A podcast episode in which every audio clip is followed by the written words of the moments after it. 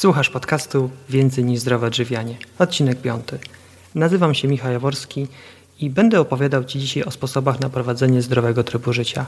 Jeżeli naprawdę zależy Ci na świadomym decydowaniu o tym, czym karmisz swoje ciało i umysł, to w tym podcaście usłyszysz, jak to robić. Zapraszam.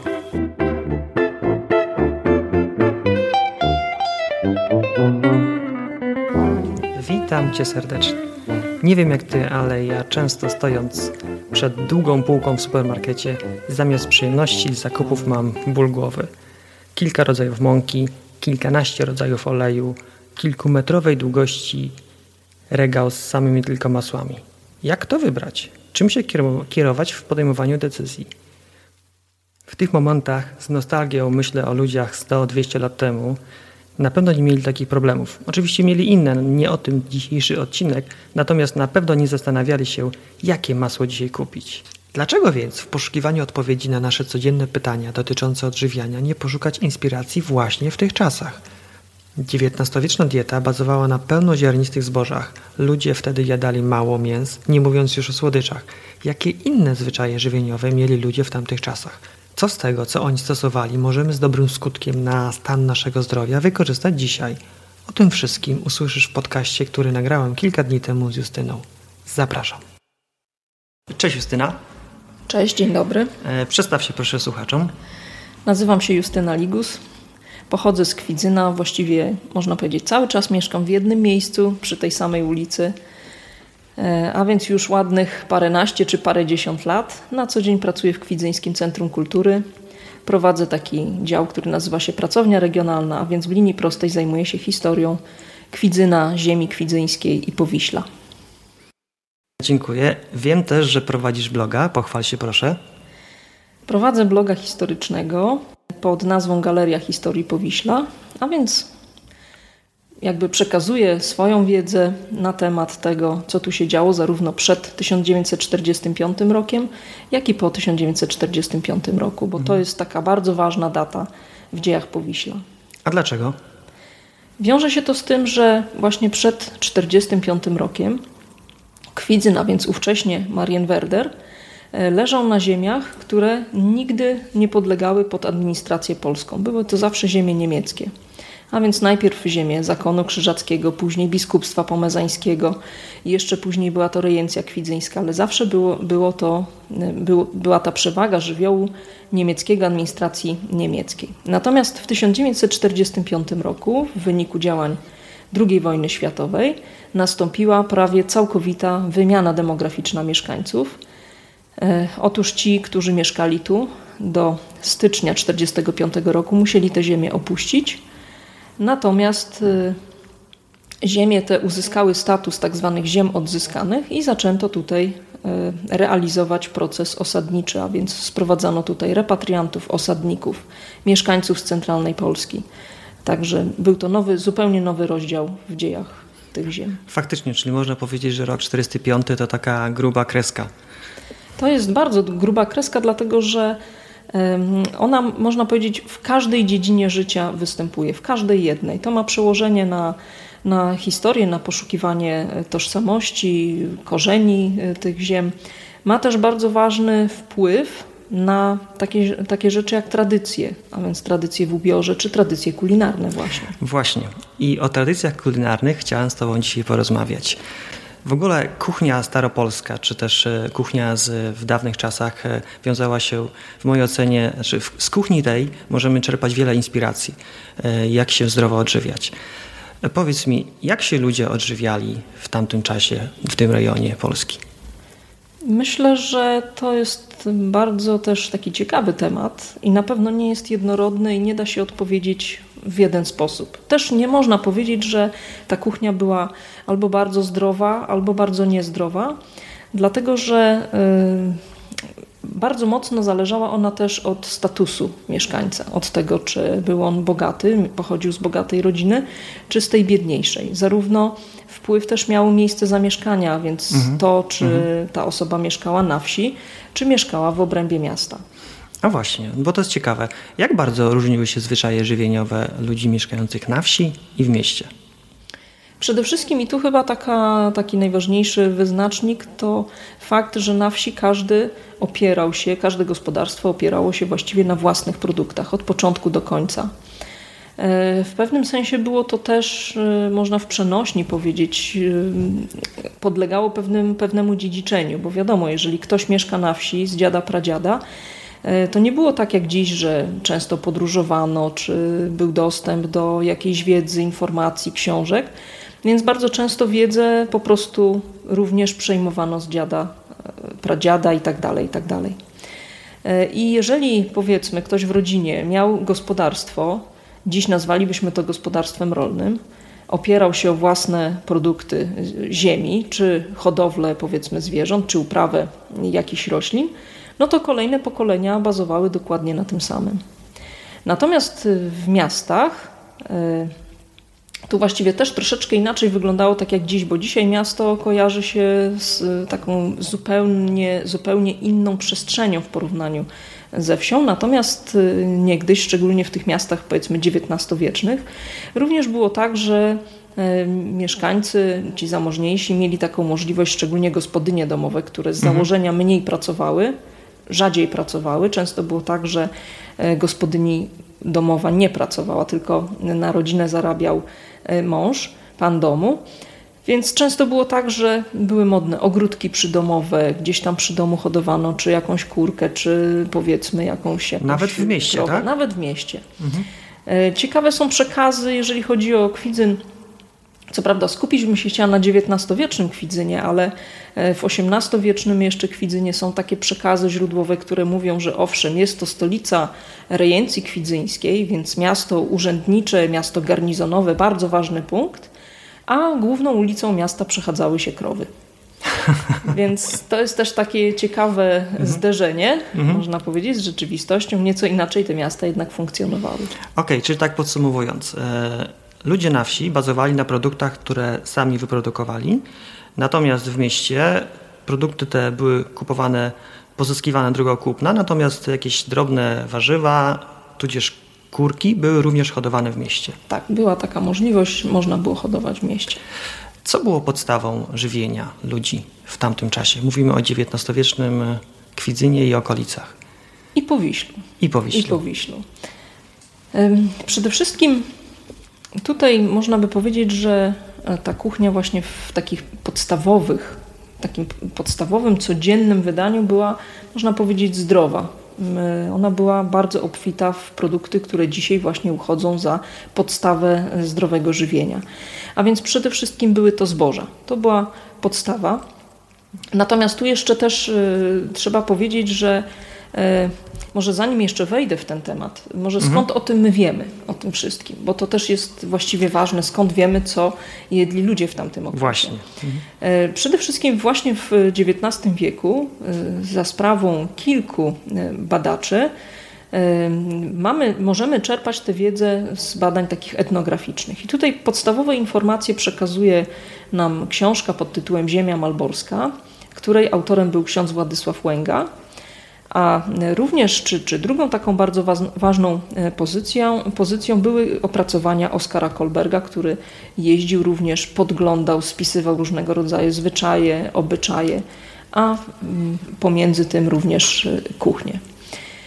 Więc e, wiadomo, że szczególnie na wsi podstawą były właśnie były właśnie zboża, potrawy mączne, a więc, a więc grube kasze, głównie potrawy mączne z mąki żywnej, e, żytniej, przepraszam, i sporządzane na ich bazie różnego rodzaju żurki i zacierki. I tu jest też ciekawa sprawa, dlatego że z jednej strony e, mówimy o tej podstawie, a więc e, mhm. zbożach czy warzywach, o których za chwilę powiem, że to była ta podstawa, natomiast bardzo często było tak, że w wydaniu obiadowym na bazie tych zdrowych produktów przyrządzano mniej zdrowe, z dzisiejszego oczywiście punktu mhm. widzenia, dlatego że E, sporządzano na przykład zawiesiste zupy, sporządzano sosy różnego rodzaju, wykorzystywano bardzo dużo śmietany, na przykład masła e, czy, czy mąk do zaciągania.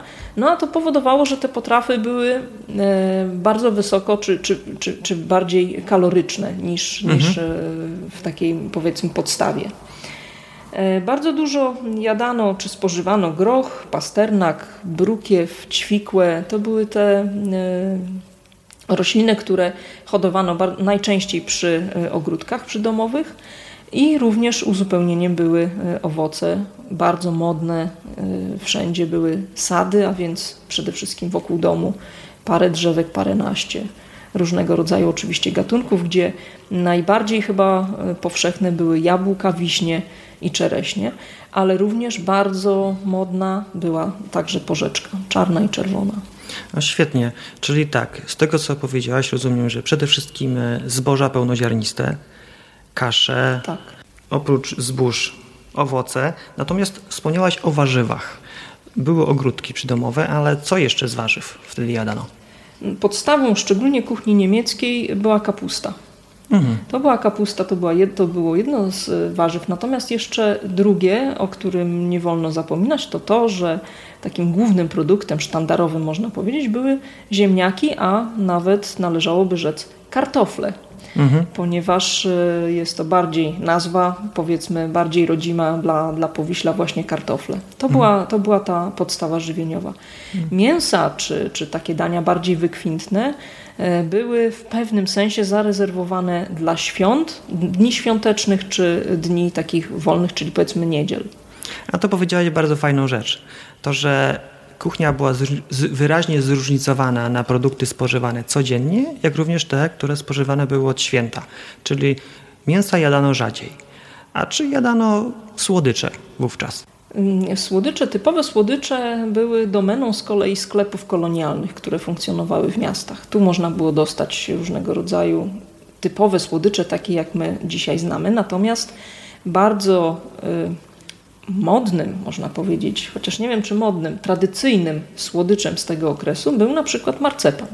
Mhm. Który dzisiaj wiemy, że marcepan pochodzi z Niemiec, jest to niemiecki produkt i tak dalej, ale mało kto również wie o tym, że mm, początkiem produkcji marcepanu, czy marcepan jako taki, został wymyślony i wyprodukowany po raz pierwszy y, w Królewcu, a więc w Königsbergu. Mhm. Tam pojawiła się pierwsza fabryka y, marcepanu. E, jest to bardzo prosty, e, prosty rodzaj, można powiedzieć, e, słodyczy, ale tutaj ciekawostka, podstawą jego produkcji są również kartofle. Kartofle? Tak. Myślałem, że migdały. Również, ale kartofle są jednym z podstawowych składników marcepanu. Okej, okay, Justyna, to wszystko bardzo fajnie brzmi, czyli ludzie jadali kaszę, od święta mięsa, marcepany, natomiast mi no nie jestem historykiem, natomiast okres XIX wieku kojarzy się raczej z biedą. Zupełnie mi to nie pasuje do tego obrazu, który przedstawiasz. Jak to było właśnie? Jak ludzie jadali? Czy te marcepany u każdego się pojawiały, czy może niekoniecznie?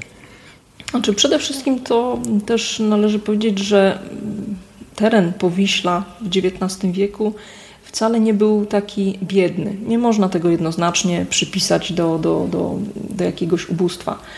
Natomiast y, bardzo ważnym był też fakt, powiedzmy, zróżnicowania samych mieszkańców, ponieważ był to mm, obszar, który owszem w większości był zamieszkiwany przez Niemców, ale również była tu bardzo aktywna i bardzo liczna, szczególnie na wsiach, y, bardzo aktywna mniejszość polska.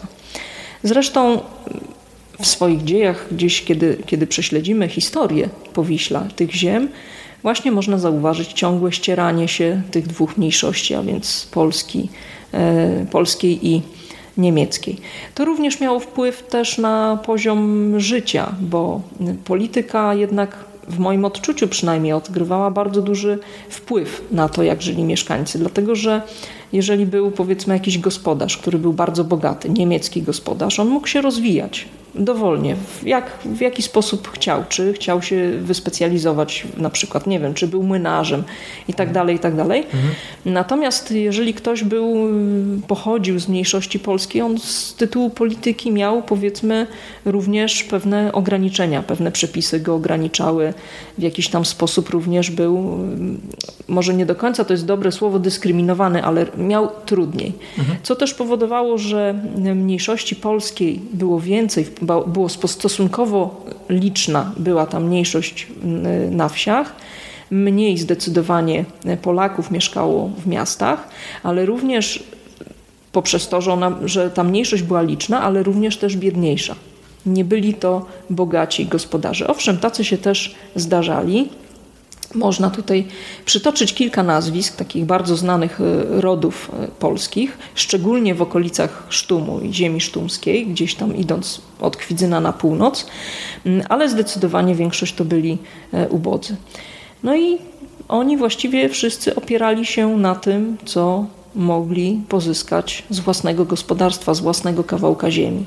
A więc tutaj wiadomo było, że mięso automatycznie jakby ograniczało, dlatego że każdy tego mięsa mógł pozyskać tyle, ile sobie go, że tak powiem, wyhodował. I mhm. bardzo często coś takiego jak na przykład świniobicie e, było zdecydowanie domeną dwóch najważniejszych świąt, a więc Wielkanocy i Bożego Narodzenia. Mhm. Więc świniobicie było, to jest jakby też w badaniach etnograficznych nawet też gdzieś tam się przewija to, że e, że właśnie świniobicie to było tylko dwa razy e, w roku. Czyli to już jakby automatycznie wiemy, kiedy jadano mięso, w święta. W święta, dokładnie, to pokazuje. Aczkolwiek jak ktoś oczywiście był bogatym gospodarzem, to mięso pojawiało się częściej. Ale natomiast tutaj też taka ciekawostka, którą można zaobserwować, to ilość posiłków. Mhm. A więc też dzisiaj mhm. e, preferuje się większą ilość spożywanych posiłków, a mniej i widać to również w kuchni tej XIX-wiecznej, że tak było. Ja mam tutaj taki fragment, myślę bardzo ciekawy, który chciałabym odczytać. Dotyczy on właśnie opisu mhm. takiego codziennego dnia na wsi e, powiślańskiej, na wsi niemieckiej w XIX wieku. Poproszę. Jest to fragment spisany przez Władysława Łęgę, autora prac z archeologii etnografii Pomorza. I pisał on. Jadają 3 do 5 razy dziennie. Rano piją kawę z mlekiem i jedzą chleb ze smalcem, powidłami, miodem, u gospodarzy także z masłem. Dawniej jadali zacierki z mlekiem. Około godziny dziesiątej jest dziesiątka, a więc drugie śniadanie. I wtedy spożywają kubek kawy lub mleka i kawałek chleba, niekiedy szperkę, to jest pieczoną słoninę, wódkę lub piwo, szczególnie w czasie żniw. Obiad bywa około dwunastej. Około czwartej zaś podwieczorek z kawą i chlebem i o zachodzie słońca wieczerza, na którą podają zacierki, kapustę lub też odgrzany obiad. Zimą dziesiątka i, i podwieczorek są kasowane. To jest też taka ciekawostka, że e, wydaje mi się, że ilość posiłków też związana była z ilością ruchu. Jeżeli mhm w domu spędzało się więcej czasu, a więc naturalną siłą rzeczy, jeżeli była zima, nikt nie zażywał takiego ruchu, wtedy ilość posiłków spadała do trzech. Natomiast latem, kiedy były żniwa, e, kiedy trzeba było pracować w polu, ten obrządek był inny, wtedy e, dochodziła właśnie ta dziesiątka i podwieczorek, czyli drugie śniadanie i posiłek dodatkowy po obiedzie tych posiłków było pięć. Ja nie ukrywam, że moją uwagę przykuła ta wódka i piwo. Czy to jest, że do, do każdego obiadu pito alkohol? Bardzo często właśnie ten wątek się przywija, może mniej wódka, ale bardzo często piwo. Z tym, że należy pamiętać, że mm, o ile to również była pewnego rodzaju tradycja, więc e, piwo było mm, robione samemu w domu, bardzo często piwo czy podpiwek, ale nie było to takie piwo, jak my znamy dzisiaj, czyli ono miało niewielką ilość e, alkoholu w sobie to było gdzieś, szacuje się około półtora do dwóch, może gdzieś tam do 3%. Także mhm. to, to piwo to też nie było takie, jak my dzisiaj znamy, wysoko powiedzmy, z dużą ilością, zawartością alkoholu. A wódkę też robiono w domu? Wódka również była robiona w domu. No to już takimi metodami, które dzisiaj nazwalibyśmy e, w inny sposób niż, niż domowa produkcja alkoholu. Także. Okej, okay, czyli podsumowując, jedzono od, od 3 do 5 posiłków dziennie. 5 posiłków to było latem, kiedy było gorąco, a 3 posiłki zimą. Mięso jadano zwykle tylko w święta. Powiedziałaś, że podstawą diety były zboża pełnoziarniste, z przechowywaniem których nie ma żadnego problemu. Natomiast jak sobie radzono z produktami, które się szybciej psują? Należy właściwie pamiętać o tym, że właśnie do XIX wieku niewiele było metod y, związanych z przechowywaniem mm, żywności.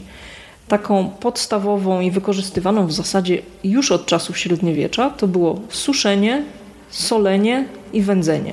To były trzy podstawowe sposoby, e, które wykorzystywano. Właściwie tutaj nie było żadnych, można powiedzieć, zmian.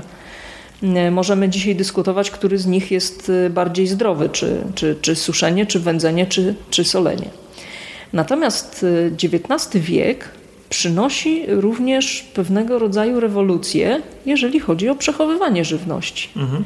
Dlatego, że właśnie nie, nie, nie, jak, nie inaczej niż właśnie w XIX wieku pojawiają się takie rzeczy jak lodówka, czy e, takie rzeczy jak e, inne sposoby konserwacji. Mam tutaj na myśli wekowanie. Okay. I chciałabym rozwinąć te powiedzmy dwa mhm. wątki. Może najpierw zacznijmy od wekowania, bo mhm. Dzisiaj bardzo często mówimy, że a weki czy wekowanie to jest właśnie ten sposób taki czysto niemiecki.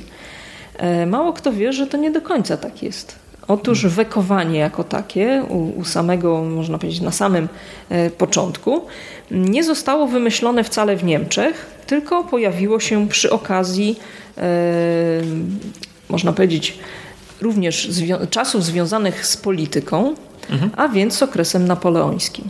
Otóż Napoleon, wiedząc o tym, że będzie, czy ma w planach wyprawę na Rosję, więc wiadomo było, że będzie potrzebował dla wojska dużą ilość żywności, ogłosił konkurs w 1809 roku na to, aby, czy właściwie na wymyślenie nowego sposobu konserwacji żywności. I w wyniku tego konkursu znalazł się człowiek o nazwisku Nicolas Apart, mhm. który wymyślił proces konserwacji, który my dzisiaj nazywamy wekowaniem. E, bardzo często również ten proces nazywa się inaczej apertyzacją od nazwiska e, tegoż człowieka. Natomiast tu jest taka ciekawostka, bo z jednej strony bardzo rzadko używa się słowa apertyzacja i myślę, że mnóstwo ludzi nie wie wręcz z czym to się wiąże, ale wszyscy wiedzą czego dotyczy wekowanie. I druga taka ciekawostka to fakt, że sam twórca, on nie do końca rozumiał proces, jaki wymyślił. On doszedł do wekowania metodą prób i błędów. A więc w pewnym momencie zauważył pewne zależności, które postanowił wykorzystać przy konserwacji żywności. Natomiast nie rozumiał procesu, on nie wiedział, dlaczego tak to się dzieje.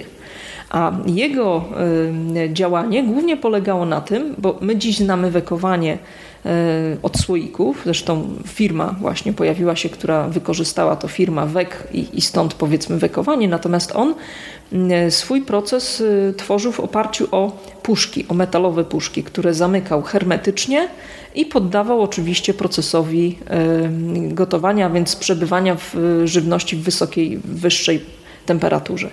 Więc ten proces on opracował, natomiast właśnie nie do końca sam rozumiał, na czym on polegał. Oczywiście nagroda została mu e, wypłacona, także e, mhm. tę nagrodę od Napoleona e, dostał.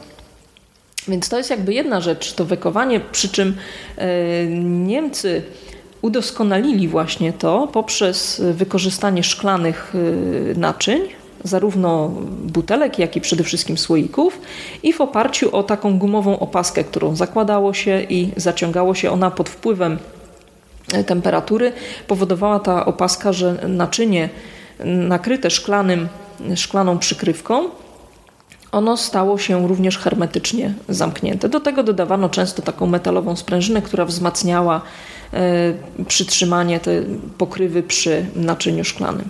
I tą metodę, można powiedzieć, wekowania e, znamy również do dziś. Ona była bardzo popularna tu właśnie na Powiślu również y, do dzisiaj. Właściwie dziś powoli jest już wypierana przez y, słoiki, przez tak zwane twisty, zakręcanie, natomiast y, to wykowanie z wykorzystaniem właśnie naczyń szklanych i, i, i gumowej opaski, ono bardzo, bardzo długi, długi okres czasu tutaj można powiedzieć na Powiślu królowało jeszcze długo po wojnie. Mhm. I druga sprawa, sprawa lodówki. Właściwie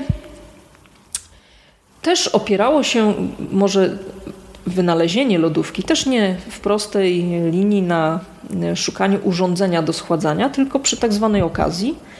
E, było dwóch twórców. Jeden pochodził z, z Australii, drugi w Ameryce. Odkrył pewne zależności e, fizykochemiczne różnych cieczy.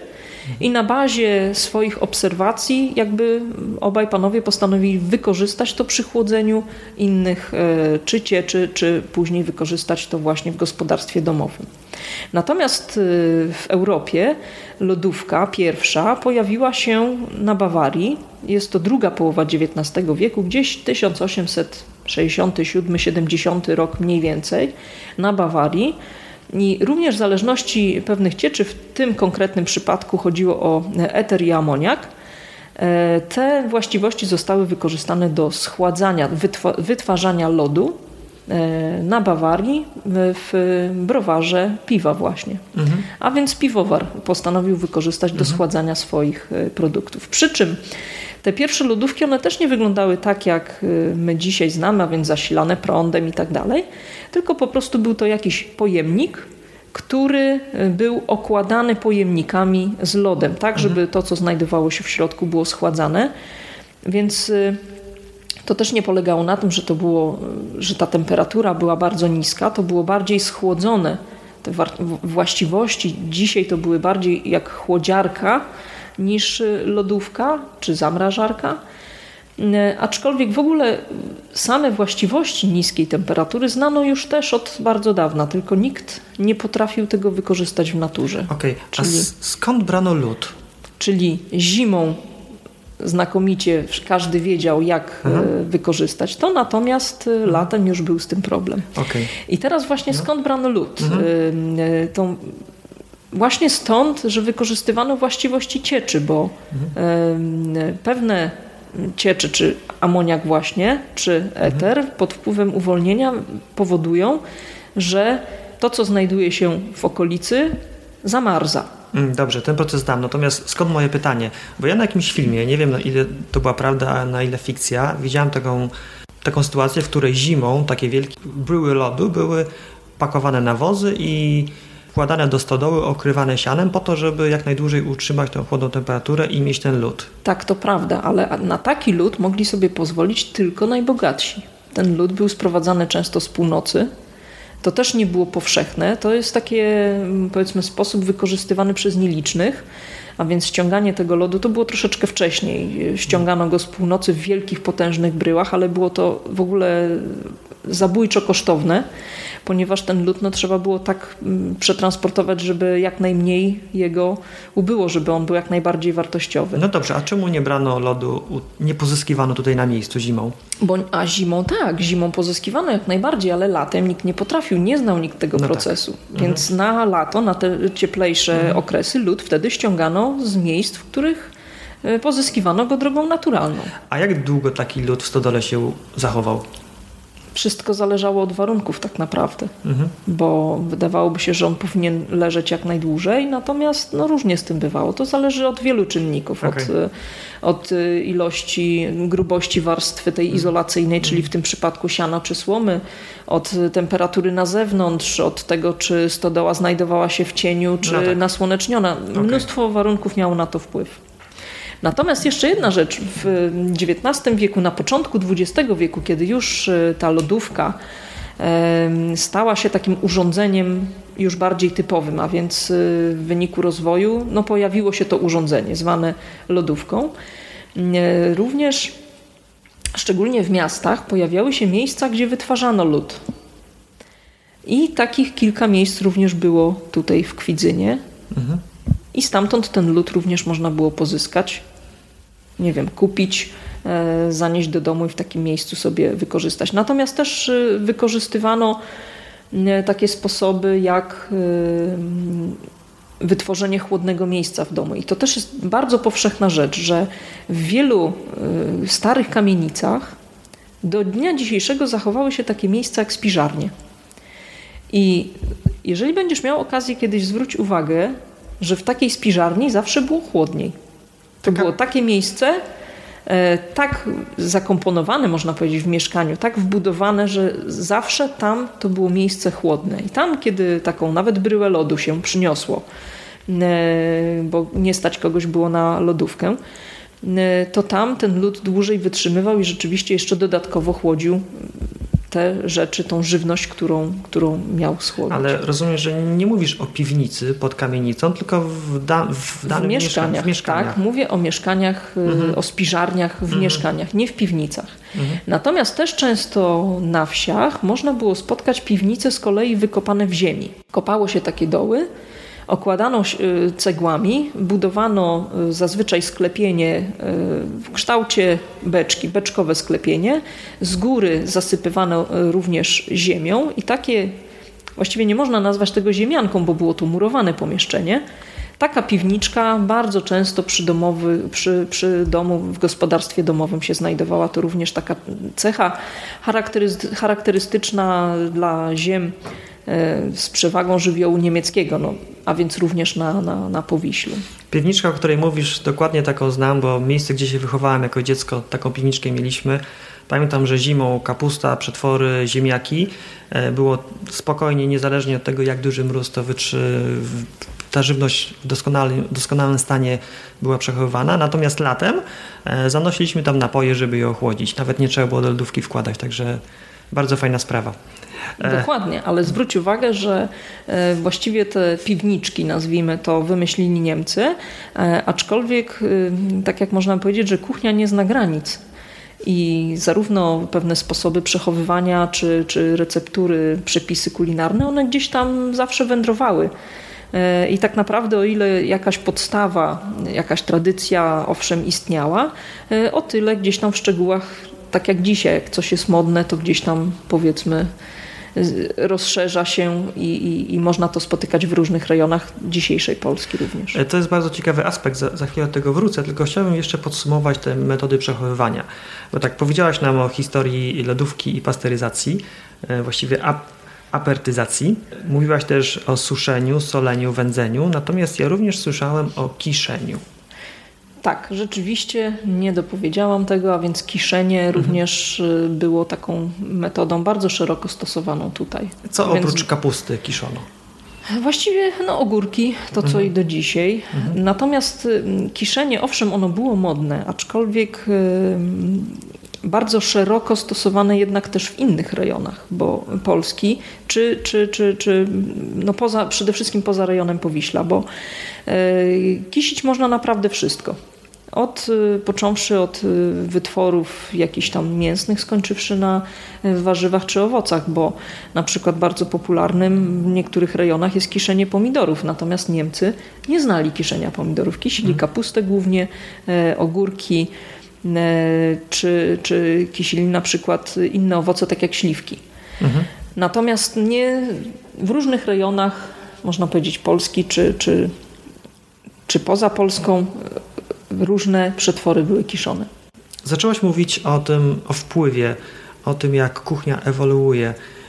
Właśnie jakbyś mogła rozwinąć ten wątek. Jaki był wpływ e, innych tradycji kulinarnych już spoza, spoza, spoza Powiśla na to, jak właśnie w XIX wieku jadano tutaj?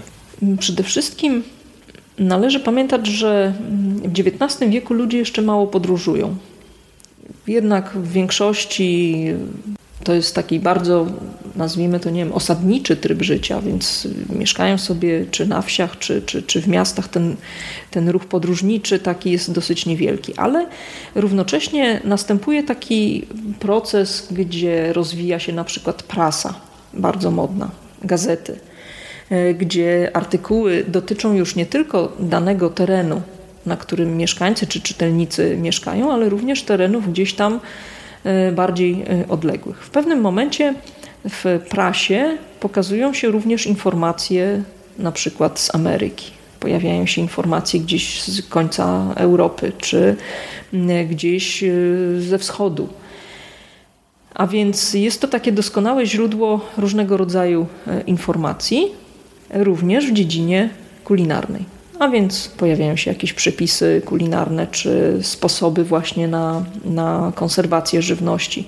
Jest tego powiedzmy niewiele, gdyż nie ma takiej mody typowej, e, tak jak dziś, że o tym dużo się mówi, e, aczkolwiek też pojawiają się nowe poradniki.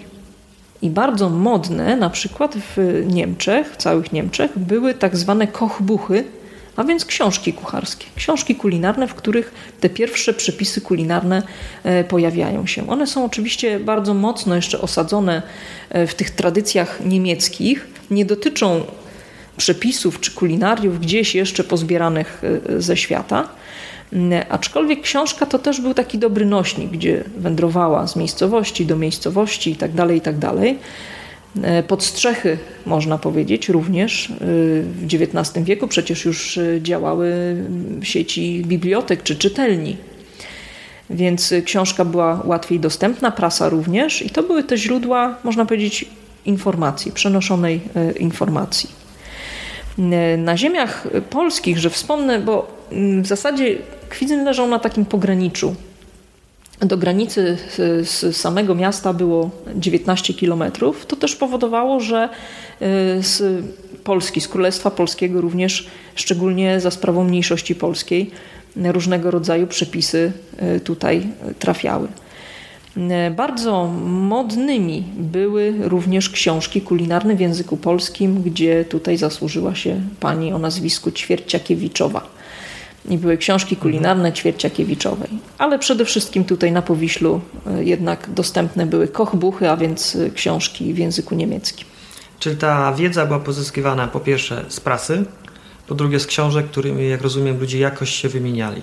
Myślę, że przede wszystkim wiedza była pozyskiwana od rodziny, a więc córka zawsze mhm. e, uczyła się przy matce, przy babce, natomiast Później jakby na drugim miejscu pojawiała się prasa i książki. Okej. Okay. E, słuchaj Justyna, bo tak, chciałem teraz Ciebie zapytać o, o to, jak bardzo ludzie byli lub nie byli świadomi tego, jak e, ich sposób odżywienia wpływa na ich zdrowie. No bo teraz e, chyba każdy już wie, że żywność wysoce przetworzona nie jest zdrowa. Jak to było właśnie w XIX wieku? Na ile ludzie byli świadomi, co powinni jeść, a czego nie? Wydaje mi się, że w XIX wieku właśnie nie było jeszcze tej świadomości, co jest e, zdrowe, co jest niezdrowe, czego chyba dobrym też przykładem jest właśnie wynalezienie procesu e, konserwacji znanym dzisiaj pod nazwą wekowanie, gdzie twórca e, apertyzacji tak, wiedział, jak ten proces ma wyglądać, co po czym trzeba wykonać, natomiast nie rozumiał tego od strony chemicznej i fizycznej, dlaczego tak się dzieje. I wydaje mi się, że tutaj również nie było jeszcze y, żadnych metod badania żywności, badania składu żywności, tak jak my dzisiaj wiemy, że coś jest zdrowsze, coś jest mniej zdrowe, czy e, ma więcej witamin bądź innych minerałów. Wydaje mi się, że w tamtych czasach y, w ogóle do tego w ten sposób nie podchodzono. Przede wszystkim e, bardzo ważnym w kuchni była, bardzo ważna w kuchni była dostępność tych produktów. A to, co było najbardziej dostępne, to to, co dała ziemia, więc ogródek przydomowy czy, czy gospodarstwo domowe, pole po prostu, mówiąc w linii prostej. Dlatego też y, wydaje mi się, że to oparcie z jednej strony, oparcie się na, na, na tych powiedzmy kaszach, y, a więc tej zdrowej żywności, wynikało nie tyle ze świadomości, że jest ona zdrowa, ile z dostępności. Mhm. Na przykład y, podstawowym produktem ludzi ubogich była fasola. Bardzo bogata w białko. Bardzo, czy, tak, ale też ludzi bogatszych z kolei kartofle, które też przecież i sole mineralne w mhm. sobie mają i tak dalej, ale mm, wydaje mi się, że Świadomości jako takiej nie było, a ludzie chyba kierowali się bardziej, wydaje mi się też, y, smakiem albo wręcz własnym samopoczuciem. Czyli wiedzieli, że powiedzmy to smakuje lepiej i powiedzmy lepiej ktoś to znosi, a ktoś komuś powiedzmy szkodziło, więc jadł czegoś tam mniej. Natomiast trudno tutaj w jakiś sposób jednoznaczny do tego się odnieść, gdyż no nie ma, nie ma badań. Mimo, że powiedzmy z punktu widzenia etnografii, co jedzono, jakie potrawy, tu jest dosyć duża ilość źródeł, bogata, mhm, mhm. to wydaje mi się, że nikt właśnie nie myślał wtedy o tym w kontekście, czy żywność jest zdrowa, czy nie. A z Twojego punktu widzenia, kiedy ta świadomość się zaczęła pojawiać? E, powiem w ten sposób, kuchnia nie jest moją mocną stroną. E, zarówno nie wiem, gotowanie czy zajmowanie się przepisami kulinarnymi, ale wydaje mi się, że podejście od tej strony, czy jest coś zdrowe, czy nie, jest chyba domeną jednak dzisiejszych czasów.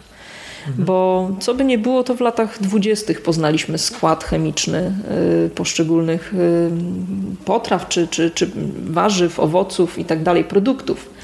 I wydaje mi się, że na tej bazie rozwijały się, czy zaczęły się rozwijać różne badania, także naukowe, a to zawsze prowadzi do tego, że badania się upowszechnia, a mhm. jeśli się coś upowszechnia, to też staje się to pewnym jednym z elementów życia codziennego nas właśnie, czyli wydaje mi się i zdecydowanie y, stwierdziłabym chyba, że jest to domena XXI wieku, aczkolwiek z tymi korzeniami, z początkiem jeszcze w wieku ubiegłym.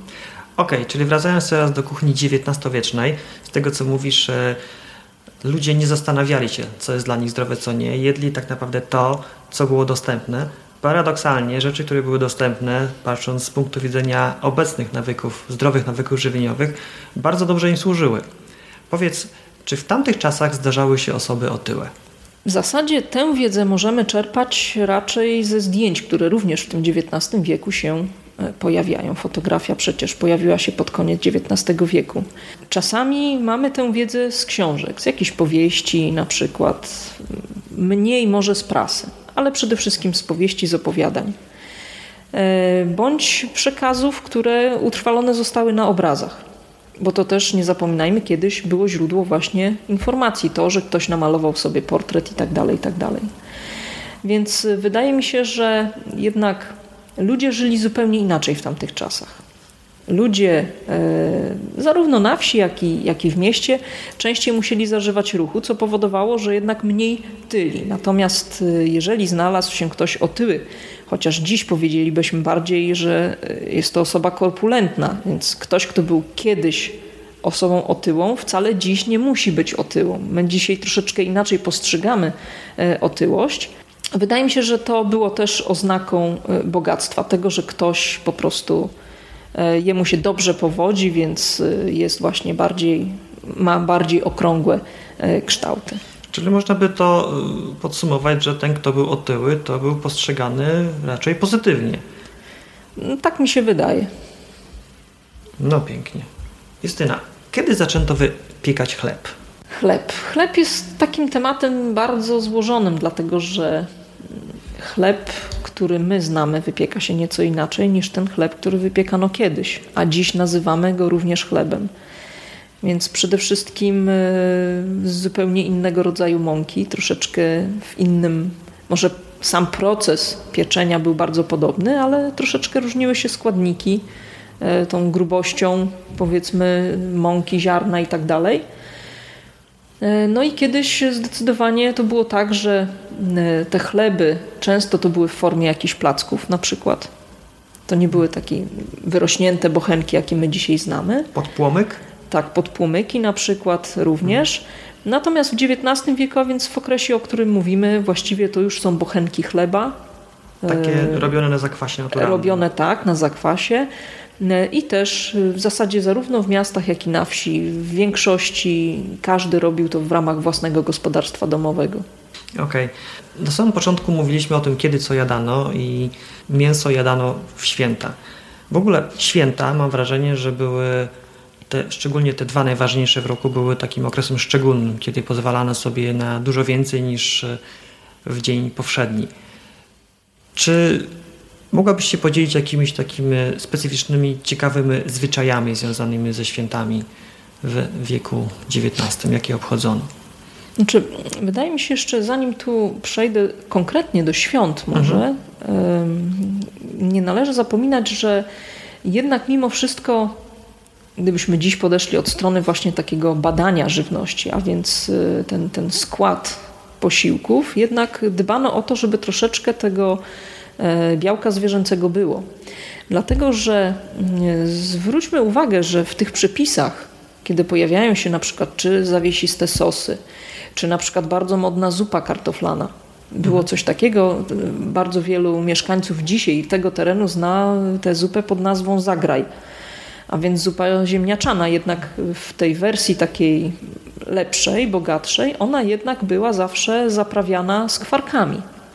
A więc y, ten tłuszcz, powiedzmy, zwierzęcy, on się gdzieś tam pojawiał, czy w formie skwarek, czy w formie jakichś tam drobnych kawałeczków mięsa gdzieś dodawanych do czegoś, żeby też tak nie było, że przez cały tydzień w ogóle nic, a w niedzielę jemy mięso. Więc w jakimś stopniu można powiedzieć, przykładano wagę do tego, żeby troszeczkę tego, y, tego elementu, powiedzmy tego mięsa gdzieś tam w, w składzie było, aczkolwiek typowe potrawy mięsne pojawiały się przy okazji świąt. I tutaj, jeśli chodzi o święta, to oczywiście one miały też swoją tradycję. To też nie było tak, że y, pojawiały się tylko potrawy mięsne, ale też była pewna z jednej strony oprawa tych świąt, a więc święta kojarzyły się właśnie z y, pewną, y, pewnym rodzajem przygotowania tych świąt, a z drugiej strony potrawy, które były typowe, które pojawiały się właśnie w takim okresie świąt. To, do czego moglibyśmy sięgnąć dzisiaj, mhm. to właściwie produkt, o którym nie powiedzieliśmy do tej pory ani słowa, mianowicie ryby. Okay. Ryby również były obecne w menu. Musimy pamiętać o tym, że na Powiślu również były lasy, a więc takie rzeczy jak grzybobranie, polowanie były na porządku dziennym. Oczywiście zarówno w kuchni staropolskiej, jak i w kuchni tej niemieckiej, tutaj na Powiślu, e, polowali ci najbogatsi i mięso z dziczyzny na przykład było tylko na stołach najbogatszych mhm. we dworach. Mhm. Ale ryby, ryby były dosyć powszechne również były produktem no, pozyskiwanym na miejscu. Słodkowodne ryby. Słodkowodne oczywiście, ale na przykład jest bardzo, można powiedzieć, zapomniany, ale bardzo ciekawą potrawą był lin. Bardzo często jedzono lina i tutaj też taka była potrawa lin na niebiesko. To mhm. wynikało bardziej nie ze sposobu przygotowania, co z samej e, charakterystyki, gdyż lina, kiedy się gotuje, on po prostu dostaje takiego koloru który mhm. można w jakiś tam no, zinterpretować jako lekko niebieski i też mhm. lin na niebiesko. Natomiast to, co, z czego dziś moglibyśmy skorzystać, to mm, takie przygotowanie produktów, powiedzmy, opartych na bazie e, mleka i masła. One może nie są zdrowe, no bo wiadomo, że masło, powiedzmy, nie należy do produktów najzdrowszych, ale mm, takie rzeczy jak na przykład produkcja lodów, czy produkcja kremów. Jeżeli chcemy nawet od święta mhm. zrobić czy jakieś ciasta właśnie, czy w oparciu o kremy, to warto sięgnąć do tamtych przepisów, bo wiadomo, że ciast nie jemy na co dzień, czasami troszeczkę można sobie pofolgować, tak, święta. troszeczkę tak w święta oczywiście. Można sobie pofolgować, uciec troszeczkę od, od radykalnego, zdrowego, mhm. czysto żywienia, mhm. ale warto właśnie sięgnąć wtedy do tamtych przepisów. One są naturalne i są tam, można powiedzieć, pewne patenty, które wpływają na to, że ta potrawa jest y, również y, trwała, ona nie psuje się zaraz za chwilę, ale przede wszystkim jest bardzo smaczna. Więc myślę, że tutaj pod tym kątem jak najbardziej warto z tych przepisów korzystać. Znaczy, w ogóle inspiracja, inspiracji można szukać w tej kuchni dużo więcej, bo e, nie bez kozery zadałem pytanie o, o chleb, kiedy zaczęto piec, bo właśnie chleb na, na naturalnym zakwasie to jest e, naprawdę bardzo, pod warunkiem, że jest wykonany z mąki pełnoziarnistej, e, jest to bardzo wartościowy produkt, który ma wiele soli, soli mineralnych i składników odżywczych. Wspomniałaś o tych naturalnych przepisach na ciasta, które jemy od święta. E, co jeszcze? No, dużo kasz i innych produktów zbożowych. To są też e, składniki, które są bardzo odżywcze i zdrowe dla nas. Co jeszcze? Owoce w Owoce. formie kompotów chociażby. Tak, i kiszonki. W ogóle e, to jest ciekawe, bo tak, proces kiszenia rozkłada skrobie na proste cukry i alkohole, które są bardzo dobrze przyswajane przez nasz organizm i przy okazji nie niszczy witamin. A z tego co mówiłaś, to kiszonki były częstym produktem na stołach. Tak, one właśnie. były bardzo popularne, aczkolwiek właśnie nie wszystko było kiszone tutaj. Nie wszystkie mhm. produkty, trudno mi powiedzieć dzisiaj, czy to wynikało z tego, że one były tylko mniej znane i mniej popularne, czy na przykład z tego, że te gusta smakowe były trochę inne i na przykład y, skupiano się głównie na kiszeniu kapusty i ogórków. Mhm zapominając o tym, że kisić można znacznie więcej produktów. No, czytałem książkę, którą mi poleciłaś i kiszone jabłka. To było dla mnie zaskoczenie. Można jabłka ukisić. tak, wspomniałeś o książce. E, otóż właśnie warto powiedzieć, że kuchnia powiślańska ma swoje opracowanie, mhm. E, takie można powiedzieć historyczne. Książka nosi tytuł Smaki Powiśla. Mhm.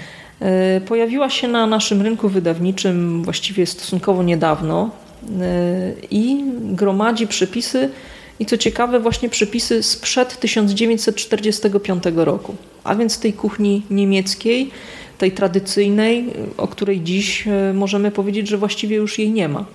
Ze względu chociażby na tę bardzo ważną datę 1945 rok, o której wspomniałam na samym początku naszej rozmowy. Czyli rozumiem, że jakby, jakby ktoś chciał skorzystać z jakiegoś przepisu z XIX-wiecznego Powiśla, to może sięgnąć do, sięgnąć do tej książki i znaleźć tam na przykład na przepis na zagraj.